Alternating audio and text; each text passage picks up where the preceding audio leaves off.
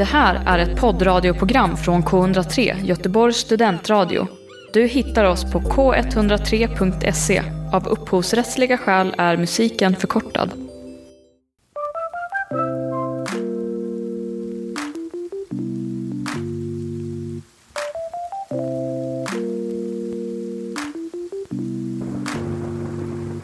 Hej och välkomna till podden Vad är det bra för? Där vi talar om olika ämnen och saker och om varför de är bra Mm. eller inte bra eller dåliga eller så.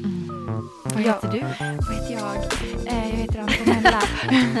Ja, Vad heter du? jag heter Sandra och alltså dagens ämne är ju lite, vad ska man säga, lite så käns ett känsligt ämne skulle jag vilja säga att det är. Eller vad Ja. känner du? Alltså, ja, men visserligen ja. Mm. Alltså definitivt. Jag tror att det beror på hur man pratar om det. Ja. Eh, definitivt. Eh, men också väldigt härligt ämne, tycker jag. Eller? Jo, jo, jo, jo, absolut, absolut. Eh, ja, men det blir spännande att se Ja. vad, vi, vad vi kommer fram till Mm. eh, kring detta, nämligen sex. Sex baby, let's talk about sex baby. Let's talk Yeah. about all the good things and the bad things that may be. Det var en ganska bra introduktionslåt till den här låten. Till den här podden. till, den här, till den här podden. Ja, Absolut, precis. Det är det vi ska absolut. prata om idag. Men innan vi börjar så ska jag dra en veckans pinsammaste. Veckans pinsammaste.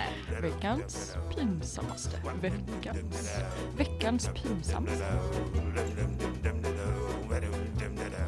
Jo, det är ju så att jag läser ju eh, gynekologi och obstet obstetrik nu. Och Just det. obstetrik är ju själva förlossningsdelen. Ehm, och eh, jag kommer in på min första dag under hela kursen, första dagen på praktiken någonsin och eh, ska ha förlossningsvecka då jag går bredvid en läkare på förlossningen. Och eh, jag kommer dit och det första vi gör är att gå in i ett rum där jag känner mig alldeles överflödig och i vägen. Eh, där en kvinna precis har fött en bebis och det är Mm. Ja men det känns så otroligt att jag får Mm. vara där i den stunden samtidigt som jag känner mig otroligt obekväm och bara står där och bara hej. Eh, och det är ju barnmorskor där och läkare och det är också coronatider Ja. fortfarande så jag eh, känner mig alltså superduper i vägen och Mm. förstår Mm. inte vad vi ska göra. Och eh, det har liksom precis hänt att bebisen har kommit ut. Och eh, den ligger på magen och navelsträngen är där och allting och de fixar och sådär och jag bara står och alltså på riktigt bara så här, gud de här föräldrarna här, de bara inte fattar vad jag gör där. Jag fyller ingen funktion, jag bara tyckte det var så jobbigt och pinsamt och jag svettades. Och sen så börjar, eh, när man föder, när, man, när en kvinna föder barn så eh, brister det ofta, ofta vid eh, runt slidan. Eh, det är väldigt vanligt och eh, det brukar liksom vara ganska lätt att ordna. Man syr ihop det och det, jag är verkligen imponerad över eh, hur, hur bra det kan liksom bli att återställa. Mm. Eh, vilket är jättekul liksom med sjukvård som är bra. men Ja, men då började den här läkaren i alla fall eh, sy eh, där nere på patienten och Mm. eh, så, så liksom tittar jag på och typ försöker se så här, så här, du vet, intresserad och liksom så här, ja, här är jag, jag lär mig saker liksom och så, och så blir jag, alltså jag blir så fascinerad över att eh, de, den här eh, röran, Könsorganet. könsorganet kan lappas ihop igen Ja. och, och bli så snyggt. Och, och bra, återställt, alltså helt fantastiskt. Ja, så jag shit. brister ut det. Gud vad bra det blir, liksom högt. I förvåning. alla. I förvåning, men jag, det jag liksom glömde Ja. bort att det var andra människor i rummet för jag var så fokuserad på hur han arbetade och sydde och hur han liksom kunde se vilken vävnad som hörde till var för att det är ju flera lager ehm, i vävnad. Det är liksom hud och det är muskler och det är liksom underhudsfett eh, fett och det Mm. kan vara lite körtlar här och där. Alltså det är ju väldigt så Mycket blandad olika, kompott mm. av olika vävnader och när det spricker, om ni tänker er liksom man ska bajsa ut en vattenmelon typ, ja men då spricker det ju ojämnt. Så det är ganska svårt att se vilket lager som hör till vilket. Ja. Och jag bara blev så tagen av eh, hur han var så grym på att liksom se och han var så snabb liksom och, och jag bara så här, wow shit alltså det blir skitbra och så började alla skratta. Det, det, Och jag bara åh Ja. nej shit, alltså då kände jag verkligen så här bara nej.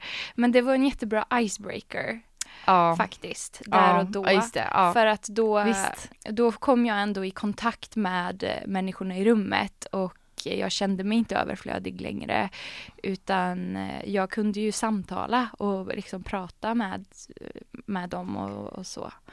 Eh, och Men- så är ju, ja. man måste ju lära sig, man måste vara lärling och det är ju oftast pinsamt när man är lärling för att man Mm gör saker för första gången eller är i vissa utrymmen där man aldrig varit förut och eh, inte vet vad man ska ta sig till eftersom situationen är helt ny. Eh, och då känner jag mig generad, alltså för att eh, jag vill gärna ha koll på grejer. Ja men det är ju, alltså det är ju också en väldigt utsatt situation man ofta hamnar i som läkarstudent eh, där det lätt kan bli att man känner att det är pinsamt eller obekvämt och då kan ju skratt vara väldigt kul. Och det, jag kan tänka mig inte minst när det kommer till just eh, när man typ, ja men blottar sin kropp på olika sätt och sådär. Att det är väldigt ut, alltså att, att man känner att man är i vägen för att någon annan kanske tycker det är jobbigt eller Ja, liksom precis. eh, så.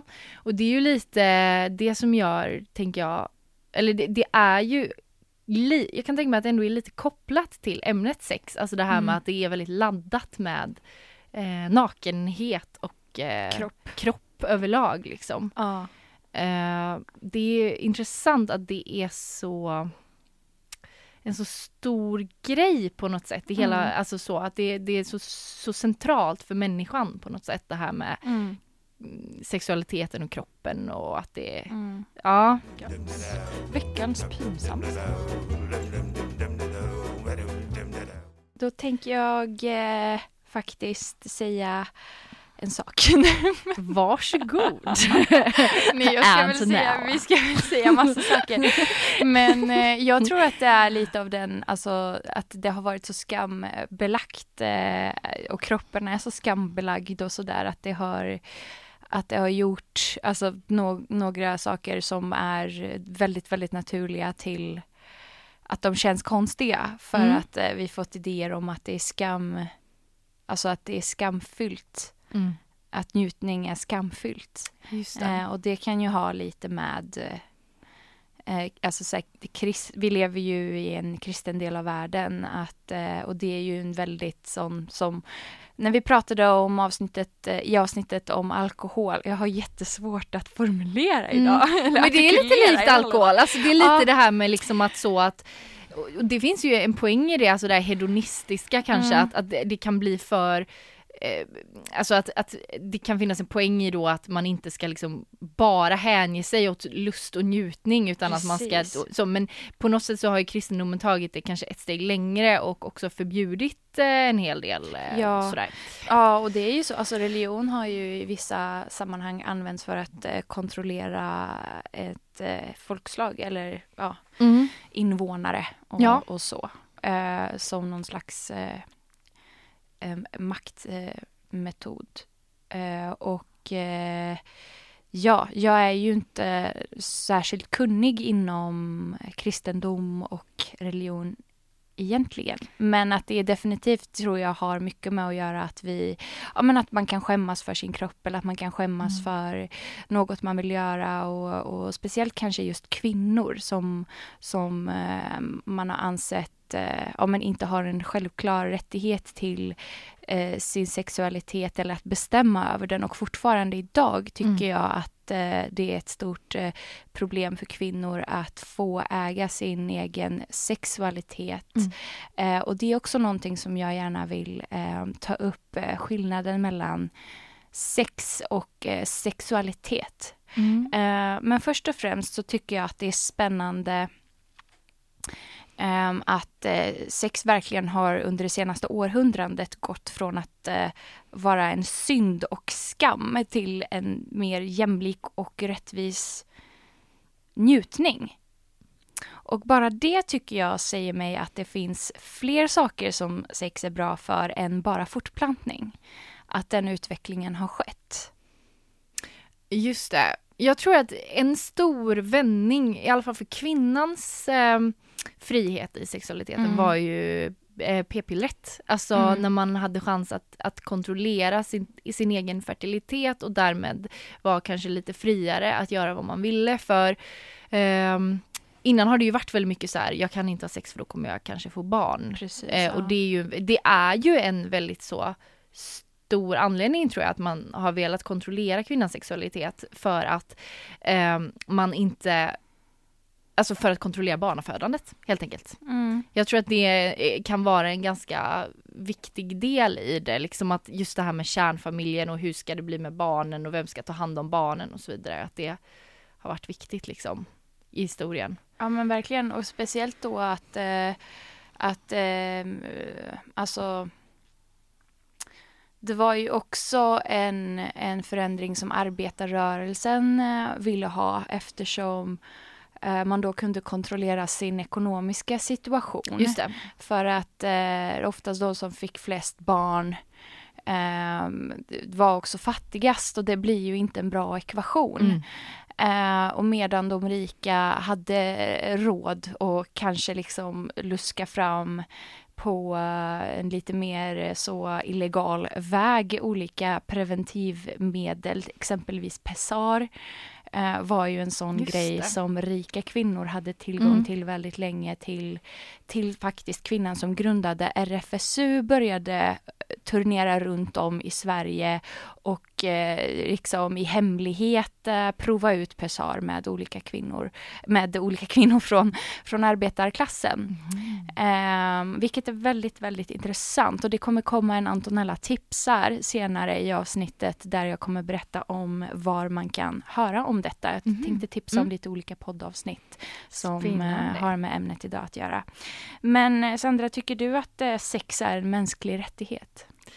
Eh, nej, det tycker jag definitivt inte. Alltså vad är en mänsklig rättighet? En mänsklig rättighet är någonting som vi tänker att alla människor ehm, Gynnas av? ska ha, Ja. skulle jag säga. Alltså Som de måste- kollektivt gynnas av, tänker jag. Ja, och också liksom att, att det är på något sätt, en rättighet är ju någonting man, man liksom borde få oavsett Typ alla omständigheter ungefär.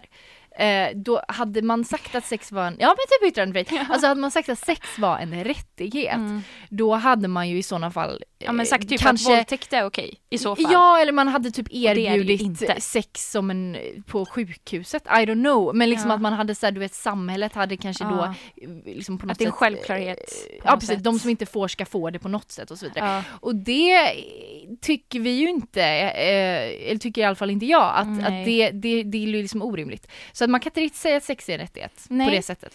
I agree with you. Ehm, det...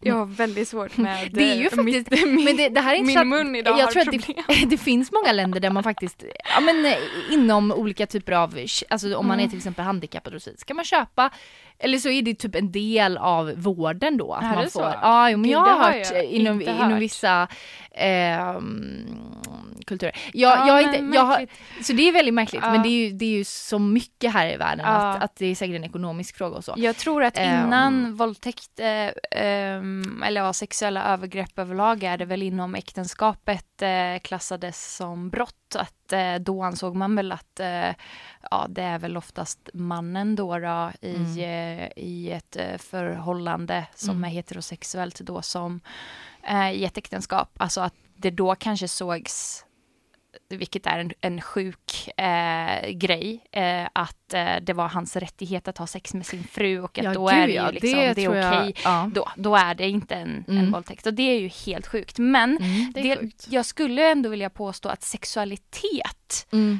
är en mänsklig rättighet eller att äga rätten till sin eh, sexualitet och eh, Världshälsoorganisationen definierar sexualitet på följande sätt. Sexualitet är en integrerad del av varje människas personlighet och det gäller såväl man och kvinna som barn. Den är ett grundbehov och en aspekt av att vara mänsklig som inte kan skiljas från andra livsaspekter. Och där har vi ju också att i Maslows eh, behovspyramid eh, så ligger ju sex som basbehov. Mm. Men det Precis. tolkar jag att det är mer liksom som en ja, men som en sexualitet. Om man tänker att eh, homosexualitet var ju sjukt nog brottsligt mm. eh, förr och är väl fortfarande det i en del länder, mm, i en del delar av mm. världen. Eh, och då tar man ju ifrån den personen rätten av att ja, men vara kär i eh, en annan homosexuell person eh, av samma kön då. Eh, eller eh, ja, men älska med den eller gifta sig med den. Eh, alltså om man tar bort det från en, från en människa då förstår jag ju att det blir ett starkt stort mm. lidande för den, den personen eftersom det är ett ett basbehov. Vi har behov av att uttrycka eh, vår sexualitet. Mm. Lika som att typ, så jag har känt mig eh, alltså helt ointresserad till och från. Men också att det är okej okay, liksom. Det är ju min rättighet att, att, eh, att känna vad jag mm. vad jag känner. Mm. Eh, och sex är ju då givetvis en rättighet kan man säga om man om det är eh, att samtliga parter är, är villiga att, eh, ja men om man har ett gay-par och de älskar varandra då ska ju det vara lika okej okay som ett heterosexuellt mm. par.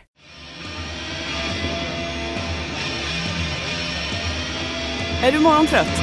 Inga problem, vi har lösningen. Lyssna på Morning Glory på K103, Göteborgs studentradio, fredagar 11.00.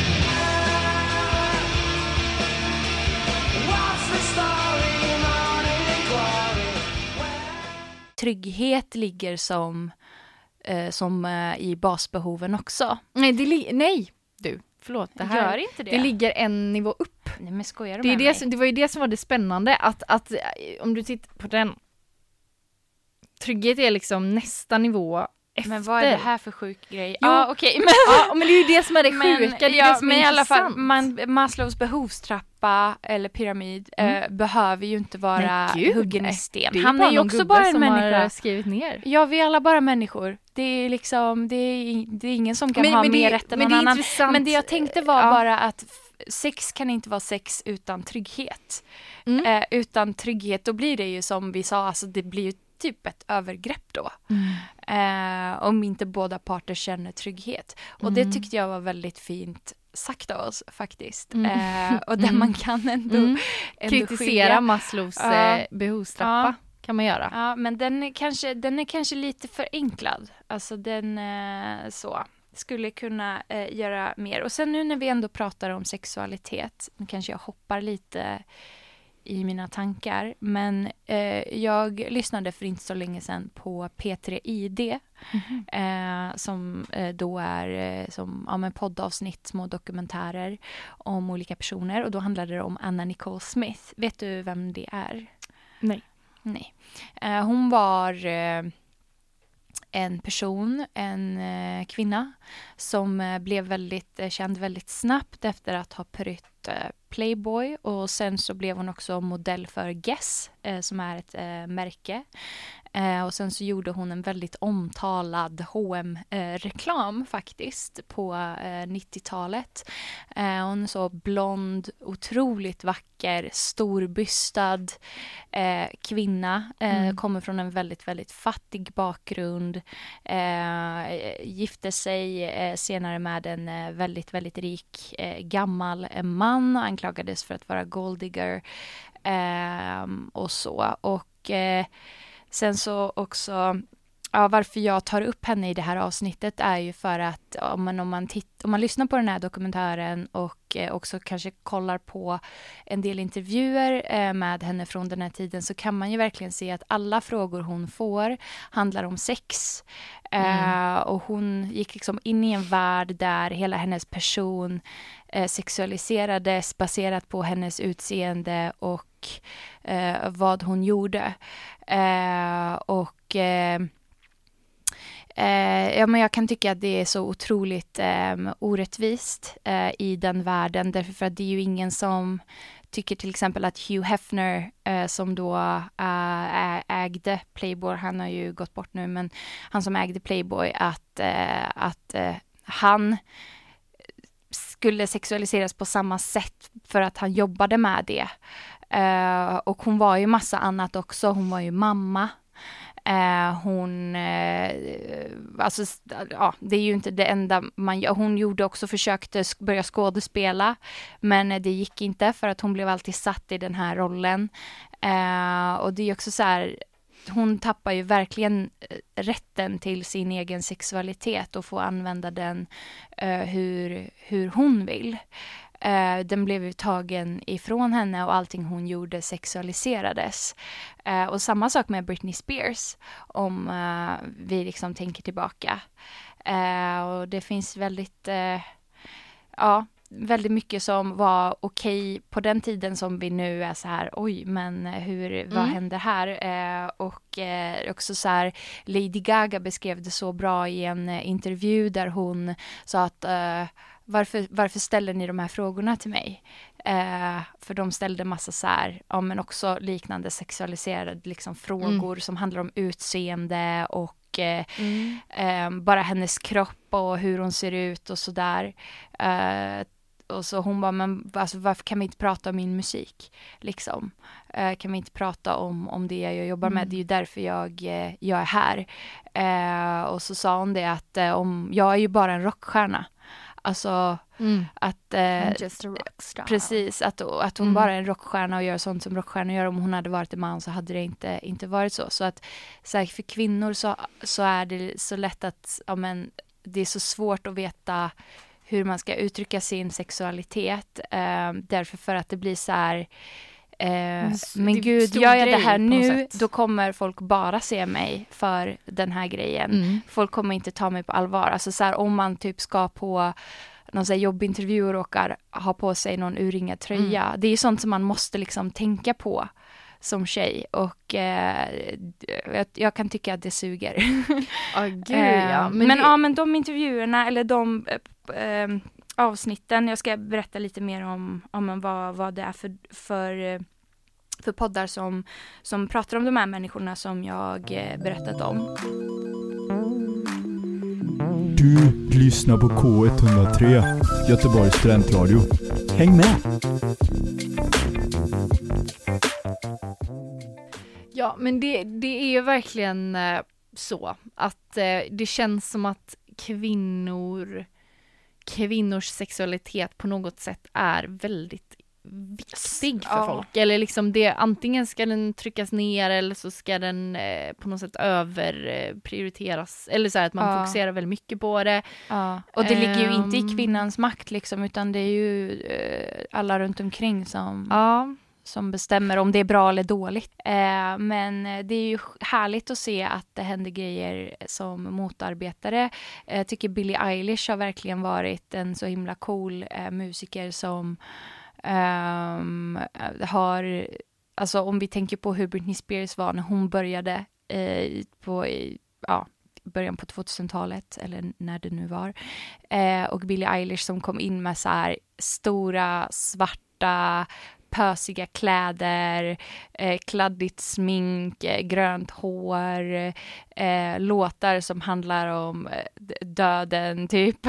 Det var inte så här sugar-coated pink cotton pop mm. eller så, mm. och det var bara så fin det var verkligen så här, alltså, en örfil i ansiktet på industrin. Uh, mm. Så att det är ju en hel del ändringar som händer. Um, Mm. Och sådär. Men det är ju mer politiska frågor tycker jag. Jag tycker ju att det, den här frågan med varför, alltså så här, kvinnor som sexualiseras verkligen är en politisk fråga egentligen. Mm. Liksom. Mm. Men ja, nej men det var lite side, eh, sidospår. Mm. Tycker jag. Men ändå viktigt när man pratar om sex. Um, Okej, men eh, har du hittat någon intressant eh, fakta om, om men varför ja, men sex är bra för fler saker än bara fortplantning? För det är ju obvious att, eh, att eh, vi belönas ju mm. så starkt med positiva känslor och hormoner och grejer för att eh, kroppen tror att vi ska fortplanta oss. Men vad har det för andra effekter, tänker jag? Alltså det har massa effekter. Det, det är ju Precis, alltså det, det, är ju någonting som eh, det här med att det ehm, jag menar Freud menade ju att eh, sex är liksom någon form av motor för allt. Eller jag vet inte om det var han Ja. som menade det. Men, Jo. men det, är ju, det är många liksom, eh, psykologer som har Ja. så att säga reflekterat kring detta väldigt mycket. Men på det mer fysiologiska planet så är det väl liksom Ah, men det är liksom lite så stresshantering, eller liksom det sänker stressnivåerna skulle man kunna säga. Mm. Ehm, och ehm, du hade väl lite studier om att det kan eh, förlänga livet, om jag inte minns fel. Ja, det, det har vi. Ehm, Också att man blir på bättre, bättre humör då, att det sänker stress och man blir på bättre humör. mm. Man kan ju, eh, man, man skulle ju kunna tänka så här, ja, men typ, vad är fördelarna med sex jämfört med att man, kan säga att sex med sig själv är ju en form av sex såklart. Men jag hittade en studie som eh, pratar om just då skillnad i hormonnivåer när man då har sex och när man har eh, sex själv, alltså när man har sex med någon annan när man har sex själv. När man eh, Mm, masturberar. masturberar. Eller jag tror, ja, precis. Och då, då, då var det just där att de hittade då att prolaktin Mm. eh, efter en eh, intercourse med en annan person eh, var då 400% större Uff, eh, än när man eh, onanerar. Och det är ju ganska fascinerande. Men då undrar man så här, vad gör prolaktin? Prolaktin är ju det hormon som typ kanske pressar ner sexlusten lite skulle man kunna säga i det här fallet. Prolaktin Mhm. gör ju massa saker men det är till exempel så när man ammar så utsöndrar man ju bröstmjölk och det är ju prolaktin. Och under amningsperioden i livet så har man också en lägre sexlust generellt på grund av prolaktinet. Och eh, eh, det är ju kanske då för att man inte ska få barn direkt efter att man har fått ett barn, tänker man sig. Och på samma sätt direkt efter att man har haft sex så då höjs den här nivån och det gör att man blir så att säga lugn och nöjd och inte vill ha mer sex. Men när man då eh, onanerar så, så blir det liksom inte lika stor ökning av den här prolaktin. Så, det, Mhm. så det ger inte riktigt den här nöjdheten då som man kanske får av så att säga riktigt inom situationstecken eller vad man ska säga. så det är lite Ja. intressant om man då skulle liksom så säga varför ska man ens ha sex med någon överhuvudtaget? Så skulle Ja. man kunna säga. Precis, och sen så Ehm, är det ju mm. att det binder oss samman med en person eller skapar en djupare relation gud, ja. när man har sex med någon Mm. annan. Och återigen, trygghet. Mm. Det, ju, det här händer inte om man inte känner sig trygg och om det inte finns ett eh, samtycke. Men jag utgår ifrån att eh, vi alla vet att det är en självklarhet Mm. när man pratar om sex tillsammans. Och det är ju för att eh, det här kramhormonet eller kärlekshormonet eh, oxytocin utsöndras eh, väldigt mycket under sex. Eh, och eh, det dämpar ju ångest och lindrar aggression och det är också det som sänker stressen och hjälper oss att sova. Mm. Eh, och sådär. Och- och- finns ju, ja. Mm, förlåt. Och också den här samman, alltså just den här en par, att man liksom så att säga Sammansvetsa eh, relationen. binder, eh, vad, heter det, anknyter till sin ja, partner. precis. Och det är ju väldigt intressant. Jag tror ju att jag såg en annan studie om att eh, just orgasmen då gör att man an- får ännu mycket mer ökade eh, oxytocinnivåer och, och då skulle man kunna då tänka sig till exempel att om man ligger utan orgasm så kanske det inte gör att man får lika mycket, vad heter det, alltså Utslag. anknytning. Anknytning. Det är lite intressant. Det är lite Mm. intressant. Mm. Det, det kan ändå så förklaras att om man eh, ligger med någon som man får jättemycket orgasmer av Mm. eh, så blir man jättekär i den personen. kär, ja. För det är ju också så att oxytocinet gör, eftersom det skapar en anknytning så kan ju det vara att det är den som gör att man blir kär. Mm. Så att eh, alla som, alltså så här, om man en person börjar ligga med någon och gör det oftare och gör det ofta, att eh, då kan det ju bli så att eh, den råkar bli kär. Så kan det bli. Precis, för det är ju hormonernas eh, Ja. sätt att arbeta. Eh, Och det är ju Ja. en cocktail av endorfiner som Ja. sker.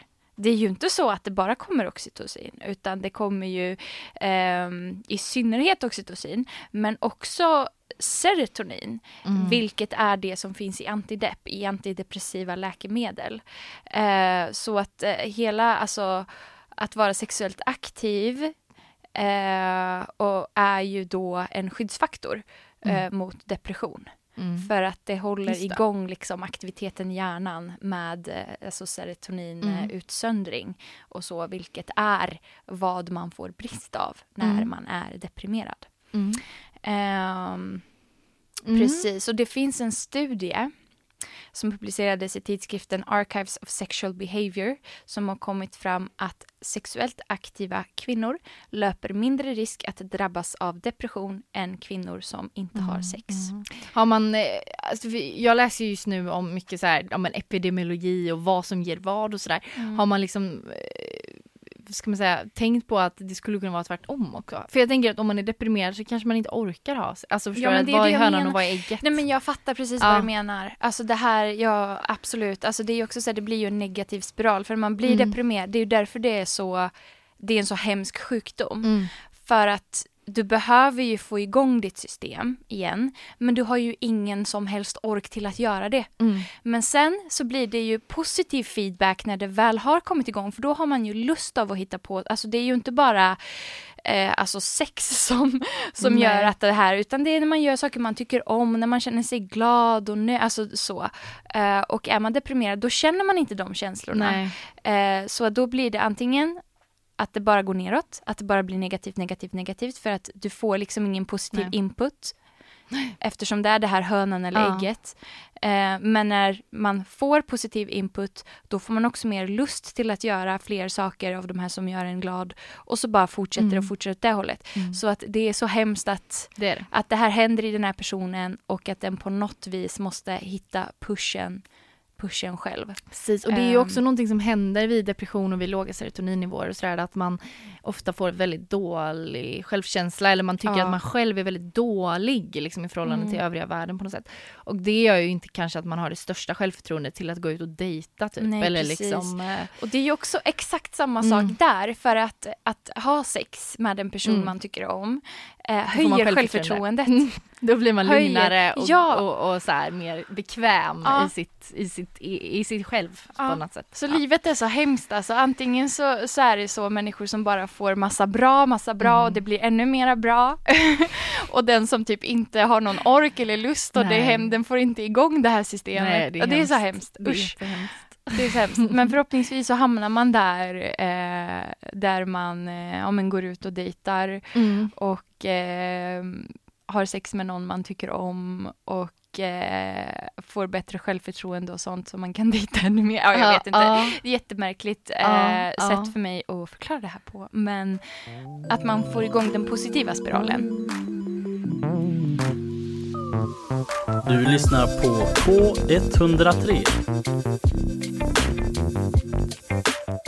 Precis. Sen så får man ju starkare hjärta Mm. eftersom det är någon slags Ja, konditionsträning. men det är det ju. Mm. Väldigt Alltså inte så här kanske vara. den bästa, Nej. men fortfarande räknas Ja. in. Sen så Ja. är det bra för immunförsvaret och där hade ju Mm. jag en spekulation på att det kanske är för att man utbyter kroppsvätskor. Att det blir Mm. lite som en sån, eh, lite främmande, främmande saker som, Mm.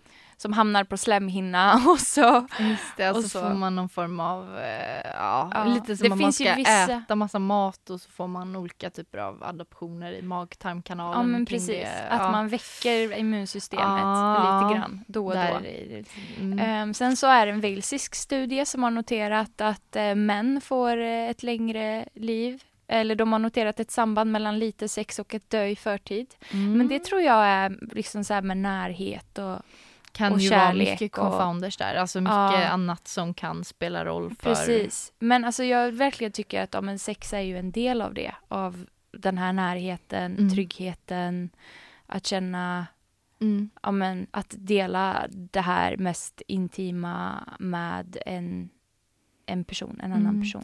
Och det då, om man går tillbaka till liksom Maslows behovstrappa igen, så är det ju kanske, jag skulle nästan vilja modifiera den, vad jag tänker mig så är nog kanske inte sex så himla fundamentalt som de vill, som att det skulle ligga på bottenplan bland maten Mm. och vattnet liksom.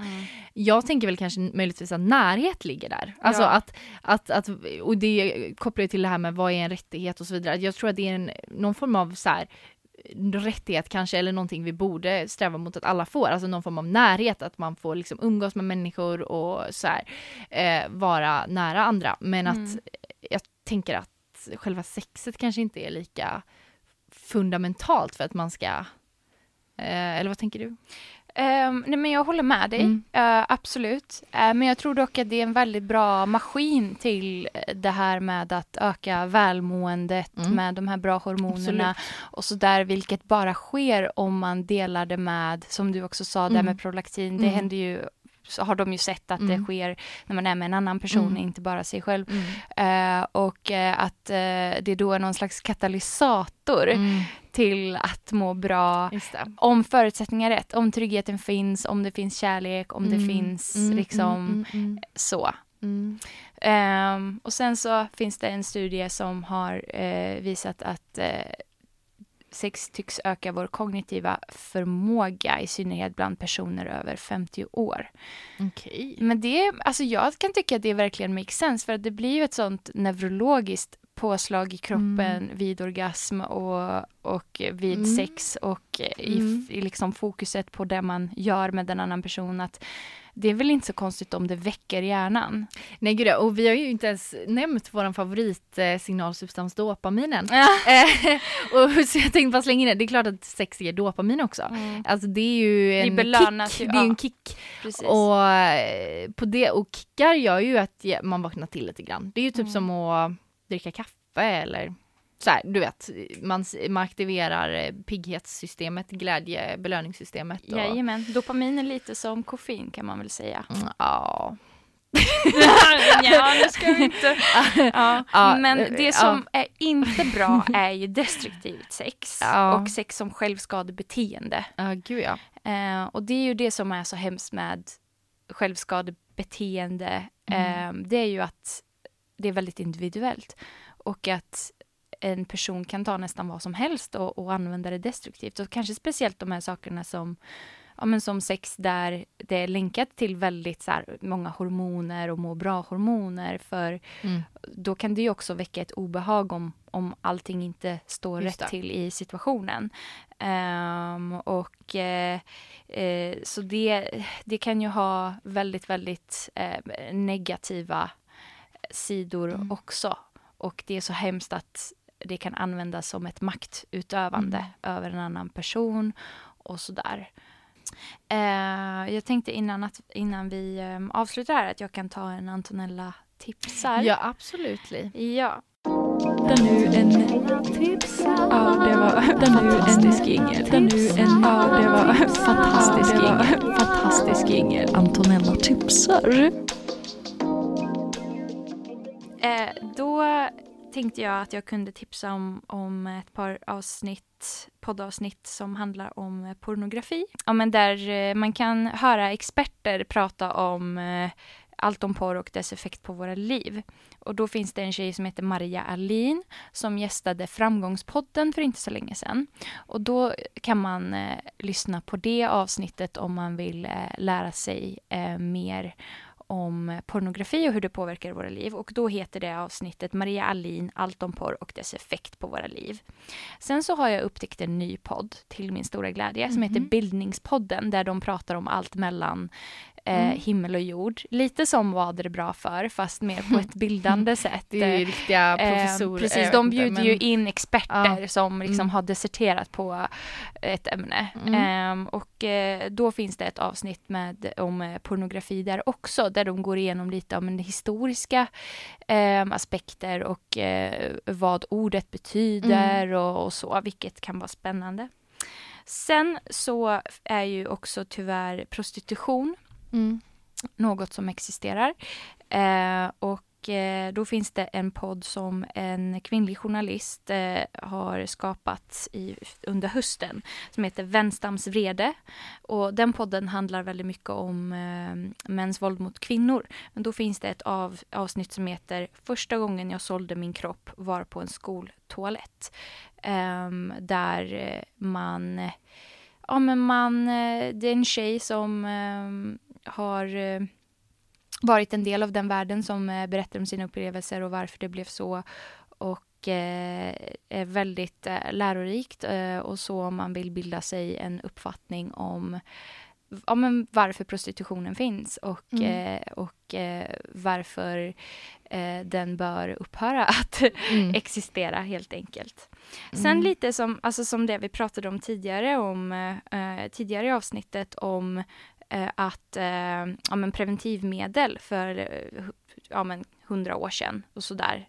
När, man precis, när det precis började vara tillgängligt och eh, det var de rika människorna som liksom kunde luska fram vart någonstans man kunde hitta det och sådär. Att det inte fanns tillgängligt för alla och att det var det tabu och inget man pratade om. Så finns det en podd som heter Svenska folkets historia där man pratar om olika ämnen i vårt svenska samhälle eh, i ett eh, ja, men historiskt perspektiv. Och då finns det ett avsnitt där som heter Sex och skam under 1900-talet.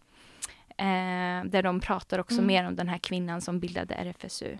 Och sist men inte minst så vill jag bara tipsa om P3 ID om Anna Nicole Smith och eh, P3 Musikdokumentär om Britney Spears eh, för att bara ja, men se hur sexualiserandet av dessa kvinnor ja, men i princip förstörde deras, Mm. deras liv.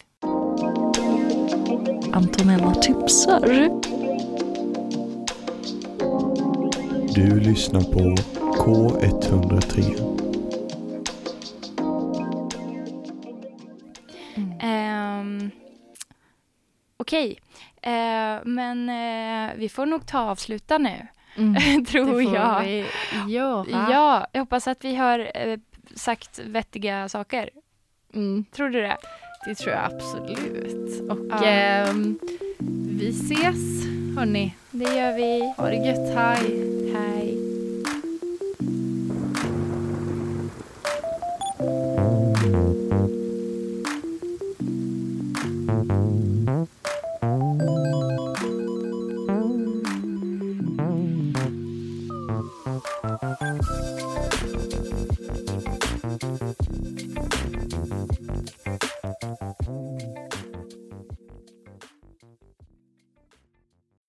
Hört en poddradioversion av ett program från K103. Alla våra program hittar du på k103.se. Följ oss gärna på Facebook eller på Instagram. Vi hörs!